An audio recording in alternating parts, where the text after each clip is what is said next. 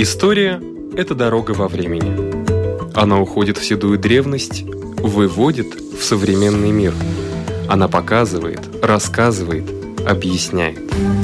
И не перестает удивлять. Живая история.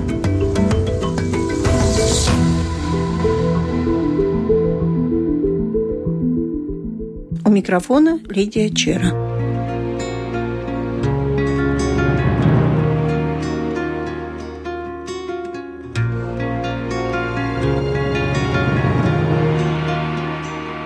Каждый город имеет свои акценты, которые сохраняются годами и десятилетиями. Рижские киоски – небольшие строения, где собирались люди, чтобы узнавать новости, встретиться, ну и просто согреться. И до наших дней киоски занимают важное место в жизненном ритме города. О том, как строились некоторые из них, наш сюжет. Слово «киоск» имеет персидское происхождение. Но в Латвии очень много киосков. И киоском обозначались даже такие небольшие строения, помещения, где происходила торговля мелким товаром. О киосках 1902-1940-е годы расскажет историк музея Риги и мореходства Зита Петерсона. Чем вас так заинтересовали киоски? Это случилось потому, что несколько лет назад к нам пришли представители из Нарвисена, и они хотели такую краткую историю об киосках Риги. И тогда я начала это изучать, и оказалось, что никто так не написал об этих киосках и даже об истории. Очень мало таких книг, которые там рассказывают, какие киоски были, и что это такое, и как это произошло, и как э, во время Латвийской Республики это было. Тогда я начала изучать э, в архиве и нашла, что уже в начале 20 века Рижская дума забрала под свои руки все киоски, которые в то время были, и начала строить новые. И оказалось, что до Первой мировой войны в Риге уже построили 15 новых киосков. В то время их называли не киоски, а павильон. И это имя пришло сюда из Франции и обозначает маленькие такие домики, в которых есть колонны, в которых можно отдыхать или поесть и так далее. И это имя для киосков э, было очень долго, даже до 1925 года так называют киосков города Риги. Потом появляется это имя киоск, который исходит из турецкого языка, тоже означает такие маленькие домики колоннами. И больше с этого 25 -го года таких названий, как павильон, вообще не проявляется в истории, только есть киоск. И... Было интересно, вот когда рассказывали о парках, практически в каждом парке был, но он тогда еще назывался павильон, значит, это было до 25 -го года, а после 25 -го года это уже киоски. Да, в основном киоски. И даже таких маленьких построений, которых называют латвийский Буда, в то время тоже называли киосками. Это было такое знаменитое слово для таких помещений.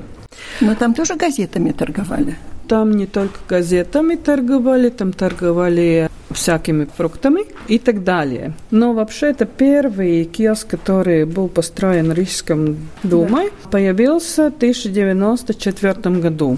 И этот киоск находился примерно там, где сейчас киоск Колонады, но он был ближе... Лаймес, да? Да, да. Он был ближе к каналу, и там стоял. И после него в этом году тоже построили второй киоск, и этот находился на уголке бульвара Райниса и Брейвибас. Там сейчас есть киоск, когда еще кондитерская была, да? Вот этот имеете в виду, рядом с Токио-Сити? Это да. тоже построен в то время да. Российской империи. Но этот находился на Райне и Брīvības булварис, там, где сейчас банка Норд. Да-да-да. Там знаю, примерно знаю. на том Да. стороне. Э, Это был второй. Сделали эти киоски был знаменитый архитектор Рейслер. То есть один архитектор на два киоска. Да, да. Потому что когда Рижская дума занялась этой работой, она сделала конкурс специальный для построения этих киосков. И на этом конкурсе главный приз взял вот этот архитектор Рейслер. И по его проектам построили этих два первых киосков. в Они были одинаковые? Нет, они не были одинаковые, потому что один был меньше, тот, кто стоял там, где сейчас колоннада, а другой был больше. И он больше был потому, что в нем находилось два сорта туалетов. Был первый сорт и был второй сорт. Ух ты. Да, поэтому это То есть не женский, мужской, а именно по... Нет, там был первый сорт для мужчин и женщин, и второй сорт для мужчин и женщин. Разница была между тем, сколько там находилось эти... Кабинки? Да, кабинки, да. Такая разница. Стоимость тоже была за пользование туалетом? Да, в то время платили, кажется, там был одна-два копейка примерно так. Разница между этими сортами. Но этого киоска, который находился на этом районе Брīvības уголке, убрали, когда начали строить памятник свободы. Тогда Он больше- близко был чересчур. Да, он, там вообще на другом уголке тоже находились эти киоски, их тоже сняли с этого времени. И остался вот этот, который находился на примерно место колоннады. А Этот первый киоск там стоял до 1925 года. Тогда его перевезли на месте Гризенкаунс, потому что в 1924 году построили этот знаменитый киоск колоннады. С этого времени там уже вот этот киоск знаменитый стоит. То есть уже почти сто лет. Без да, малого. примерно, да. Его же в 904-м Да, построили. его построили в То есть ему уже 24-м. есть сто. Да. В этих первых киосках находились не только туалеты, там находились и лавки для всяких предметов, которых там торговали.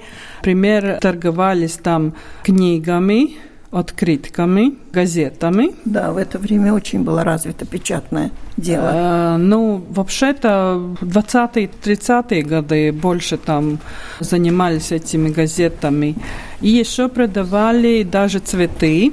А вот цветы продавали в киоске, которые есть и сегодня, который находится в уголке на Мира и Хоспиталю, недалеко от больших э, Знаю, да, знаю, очень Бал- хорошо Бал- знаю Белый этот да, большой, да. оттуда. Там сейчас находится, не знаю, работает или не работает, ветклиника находится в Да. этом киоске. Ну, большой был киоск, очень красивый. Но никогда практически, вот даже в советское время, не видела, чтобы он работал. Наверное, он работал до того, как я там была. Мгм. Он один из таких интересный, потому что он, Архитектурно э, интересный. да, он построен э, по архитектуре, которая называют немножко голландском, похоже, да? по стилю голландском. И ну вот он там стоит все время, и это хорошо, что он остался, потому что он построен уже в 1912 году, и так стоит сейчас. И в этом продавали цветы, еще продавали фрукты в это время, напитки всякие. И еще одном эм, киоске, вот этом, который находился вместо колоннади, там был тоже телефон. И еще остановка для трамвая находилась там. Еще довольно, наверное, давно находится киоск. Это на Калпака и... Да, да, да, Мертеля и Тарбатас, да, углу. Да. Это тоже построен в 1912 году. И это был тоже проект Рейслера. И в таких построили четырех на каждом углу это- этого парка. парка, да. Ну, сейчас они только остались две такие. Один там на Мертеле, другой находится на углу Элизабетес и Тарбетес. Те, которые находятся над улицей Барона, да, там тоже Барона, есть две такие, да. Сторон. Это уже другие. Этих, это попозже были, да? Да, этих попозже построили. Это уже 1922 год. И архитектор Густав Берчей потому что строение киосков продолжалось и в Латвийской республике. И те, которые были построены уже во время Российской империи, во время Латвийской республики, стали киоском фруктовым потому что латвийское время киосков разделили на два части. Были фруктовые и были газетные киоски. И поэтому очень многие стали фруктовыми.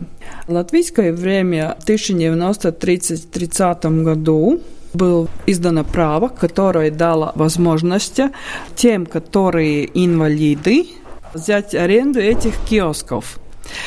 Но, как показывают материалы из архива, не все, которые взяли аренду этих киосков, были инвалиды. Очень многие были простые рижане, которые могли заплатить в аренду очень большую сумму, потому что те, которые находились в центре Риги, там у них аренда была очень большая. К примеру, киоск, который находился на углу Аспазис бульвара и Брейвибас.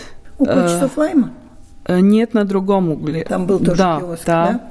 Там аренда сумма была 21 тысяч латов в год потому что он находился в центре, там очень большие эти... Обороты были, да? Да, большие. И поэтому вот такие, которые были военные инвалиды, у них были трудности взять такую аренду. Ну, 21 тысяч латов – это очень много. А для инвалидов, наверное, была какая-то скидка? Скидка не всегда там была, потому что те, которые были инвалиды, они взяли побольше таких киосков, которые были поменьше, и у них там только были газетные и табачные продукты потому что там меньше оборота и меньше эта арендовая сумма была. А почему инвалиды? Все-таки, наверное, это была какая-то льгота со стороны правительства, что им такое разрешение было.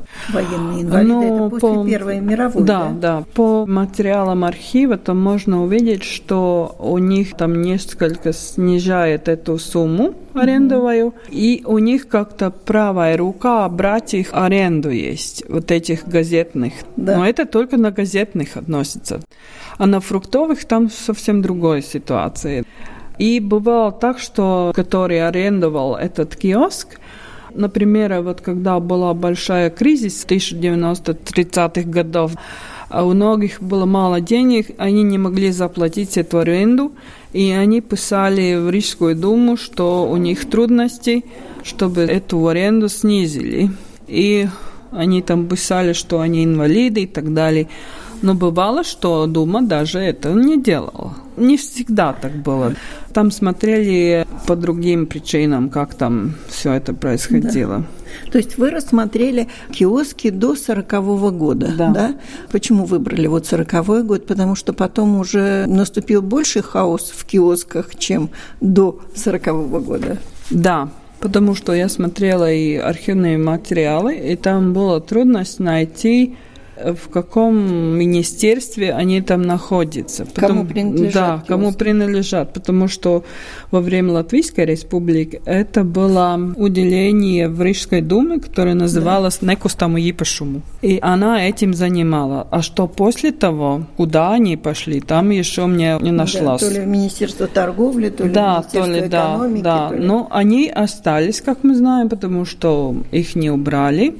И, наверное, там поселились всякие эти агентуры, которые продавали газеты. Потому что и даже латвийское время было так, что те, которые имели этих киосках, они писали, наверное, заявления в агентурах, которые предложили им взять всякие газеты. И эти агентуры сами привезли эти газеты, и им осталось только торговать. Да, в советское время, конечно, были в основном киоски «Союз печати». Насколько я помню, газеты, журналы были. И только недавно, лет 20-25 назад, киоски приобрели уже такой характер более развитый. Там можно и купить жвачки, и что-то перекусить, и кофе. Но все-таки Норвесен хоть к вам и обращался, но скажем так, чисто с архитектурной точки зрения, они не особо учились у истории. Да, потому что некоторые из этих старых киосков тоже находятся под Нарвисеном и они там занимаются торговлей. Но сейчас уже знаете как, который может взять в аренду их, там можно делать все. Ну да. Да. Ну, да. А историю оставим истории, а киоски, правда, красивые. Ну да, в сравнении тем, что сегодня у нас, можно так сказать, потому что даже этот знаменитый киоск, который находится на улицы Аспазиес и Кришан Барона, который построил архитектор Бирзниекс 1930-е годы. Он был заново построен уже 90-е годы прошлого века. И он такой интересный в стиле арт-деко. Но он сейчас живет свою жизнью. Бывают годы, когда там ничто не происходит, но сейчас уже там когда была эта биеннале, там что-то происходило, так что... Но сейчас он стоит вот пустой, мне кажется. Ну, сейчас опять, да. Сейчас угу. опять пустой. Не используется. Наверное, большая арендная плата, надо обращаться в Рижскую думу. Как в те времена, после Первой мировой. Ну да, там надо юных, амбициозных людей найти, которые хотят этим заниматься, потому что, например, те киоски, которые находятся на этих Верманесдаза, да. выход из-за... Да, да, да. На те места уже там появился этот маленький магазин Или, который mm-hmm. там продает кофе и так далее. На другом стороне там уже появился французское бейкери, франч бейкери да, там да, находится. Так что есть, которые занимают эти хорошие места.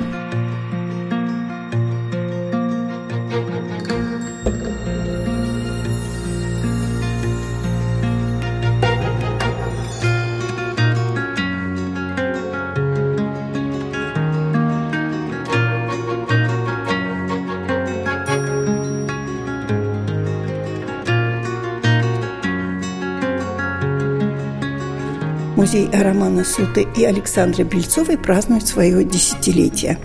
Первые десять лет. Заведующий музеем Наталья Евсеева. Вы все время были с ними? Да, может быть, в другом качестве. Вначале я была только хранитель коллекции, теперь я еще и помимо этого руководитель музея. С самого начала, да. Как все начиналось? Начало было связано с идеями о том, как сделать экспозицию музея привлекательной, насыщенной информационно, как провести научную инвентаризацию всего большого архива и коллекции, доставшейся музею да. наследства да. от дочери художников. И работа была очень интенсивной, направленной именно на это. А когда уже музей открылся, мы как бы больше уже стали работать с публикой, исходя уже из обратной связи, которая пошла к нам, угу. о том, какой больше тип мероприятий вызывает интерес, какого рода выставки. Сначала первые два года у нас экспозиция не менялась, и после этого, когда уже люди более-менее узнали наш музей, мы стали делать примерно 2-3 выставки в год, отводя под это часть э, экспозиции, часть помещений. Ну и продолжаем это делать до сих пор, и постепенно нашли вот свою аудиторию, нишу, и предлагаем именно вот такого рода мероприятия, лекции, общеобразовательные mm-hmm. программы, творческие мастерские для того круга людей, которым интересен наш музей. Ну, это в основном 20-30-е годы, да? Да, акцент именно на это время, 20-30-е годы, потому как именно в это время жила здесь семья, этой квартире, и потому как их самый яркий период творчества приходился как раз на это время. Ну и э, исходя из того, что Роман Сута прожил в Латвии до 41 года, а потом покинул незадолго перед Второй мировой войной Латвию, уехав э, в Тбилиси, в Грузию, и там он через три года погиб. История семьи продолжается, но история полной семьи была именно вот в тот момент, 20-30-е годы. А если говорить о дочери Татьяне, она жила здесь до последнего, скажем так, всю свою жизнь? Да, да, она прожила здесь вместе с родителями, потом а, с мамой, получается, бабушка еще с ними была, мама Романа Суты. Она умерла в начале 50-х годов, 56-й год. Потом вот они с Александрой Бельцовой, потом вот внучка Инга Сута здесь жила со своей семьей тоже. И поначалу им было нелегко, это была коммунальная квартира, да. и им пришлось ютиться всего лишь в, в трех а не в пяти комнатах, как когда-то, и то благодаря, в кавычках, тому, что Бельцовой было слабое здоровье, и им позволено было оставить три комнаты, а не две. Когда же уже в годы независимости э, квартира полностью перешла в собственность семьи, Бельцовой к тому времени уже не было в живых, здесь жила Татьяна. Татьяна Сута преподавала параллельно, была журналисткой, работала в телевидении, писала книги, делала выставки и всячески популяризировала творчество своих родителей и считала это своей миссией, таким, в общем-то, долгом. И еще и при ее жизни уже здесь она позиционировала это место как музей. Сюда приходили люди, гости Центра французской культуры нередко приходили сюда, так как мы здесь совсем рядом, Соседи, по соседству, да. да. И до сих пор к нам э, в музей приходят иногда люди, которые говорят, и туристы в том числе, и студенты, которые были здесь, когда проходили лекции у Татьяны, и вот туристы, которые приезжают, говорят, а мы помним эту квартиру еще до того, как она приобрела теперешний вид. Mm-hmm. То есть э, мы продолжаем дело, начатое Татьяной и Сутой. Это, в общем-то, музей существует благодаря ей, естественно. А дочка Татьяны здесь да. бывает? Нет. К сожалению, нет. Контакты у нас как бы есть. Они живут за границей, их семья в Германии, но здесь они не бывают. Насколько изменилась эта квартира? Вот вы получили что? Была ли мебель? Был ли вот этот рояль?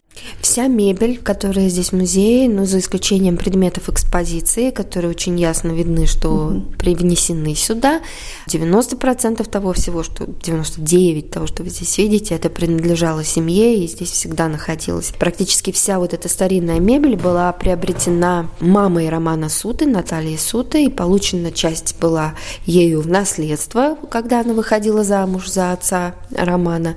А музыкальный инструмент, который вы упомянули, он появился здесь, конечно, позднее, когда внучка Бельцовой, дочь Татьяны, училась музыке, она заканчивала консерваторию по классу виолончели, ну и, естественно, инструмент был необходим в семье доме. Но здесь всегда звучала музыка, семья была очень музыкальная, собирались гости всегда или пели, или звучала живая музыка. Если я не ошибаюсь, Татьяна, по-моему, в начале своей деятельности была балериной. Верно, да. Но она немного, ей не хватило до пенсии, она оставила сцену.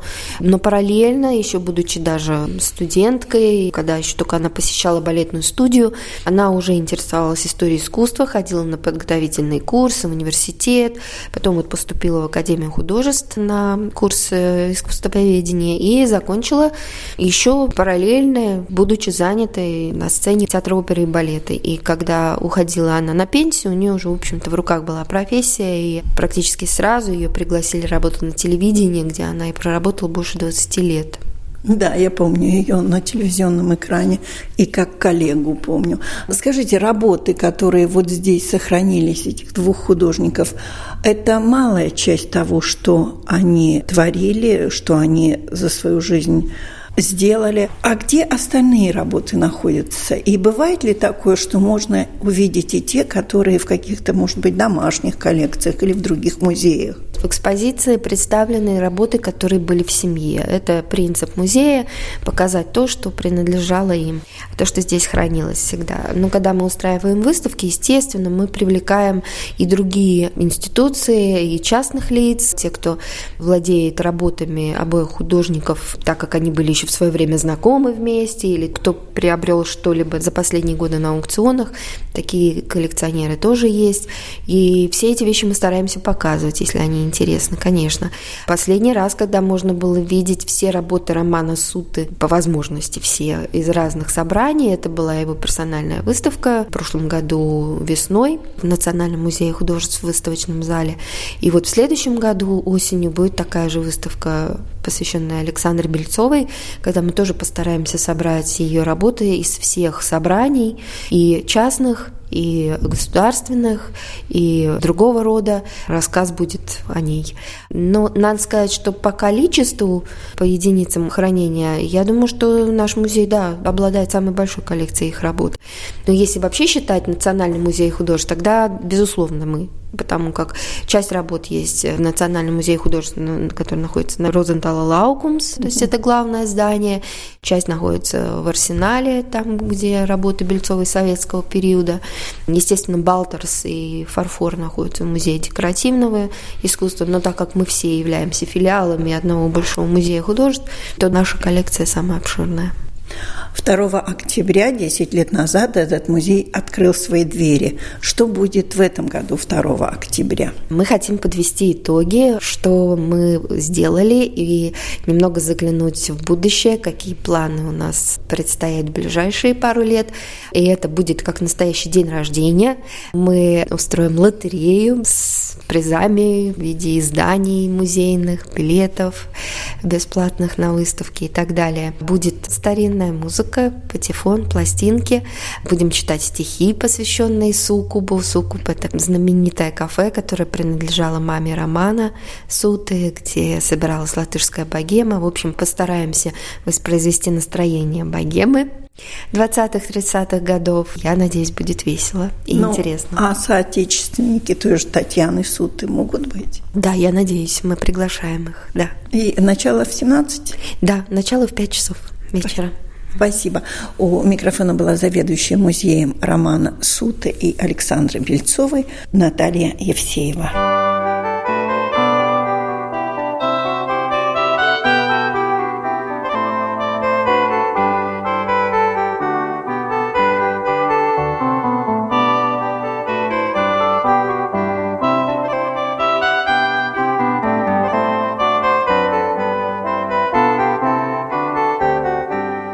«100 реликвий истории Латвии». У микрофона заместитель директора Государственного музея истории Латвии Ирина Зейбарта. Ну, еще одна реликвия, о которой мы сегодня узнаем, это это очень не старая, надо сказать, только 20-летняя, чуть-чуть более 20 лет этой реликвии, но она стала реликвией потому, что она имеет такую очень интересную историческую подоплеку, и я думаю, она доказывает, опять же, очень важные основные вещи для нашей государственности. Именно это обыкновенный значок, значок депутата. Если так посмотреть, ну что это, ну, вроде как ничего очень редкого, ничего уникального, но именно то, что значит этот значок депутата, это и придает этому предмету его особую ценность. Он отличается значок... от депутатского значка сейчас? Нет, что? только названием, номером парламента. Это значок депутата пятой Саемы. В чем уникальность его? Как известно, в Республике Латвии были избраны и действовали четыре созыва парламента. Ну, надо даже сказать, если так очень быстро, сначала было учредительное собрание, предпарламент, потом четыре раза избирался парламент Латвийской Республики, Саэйма.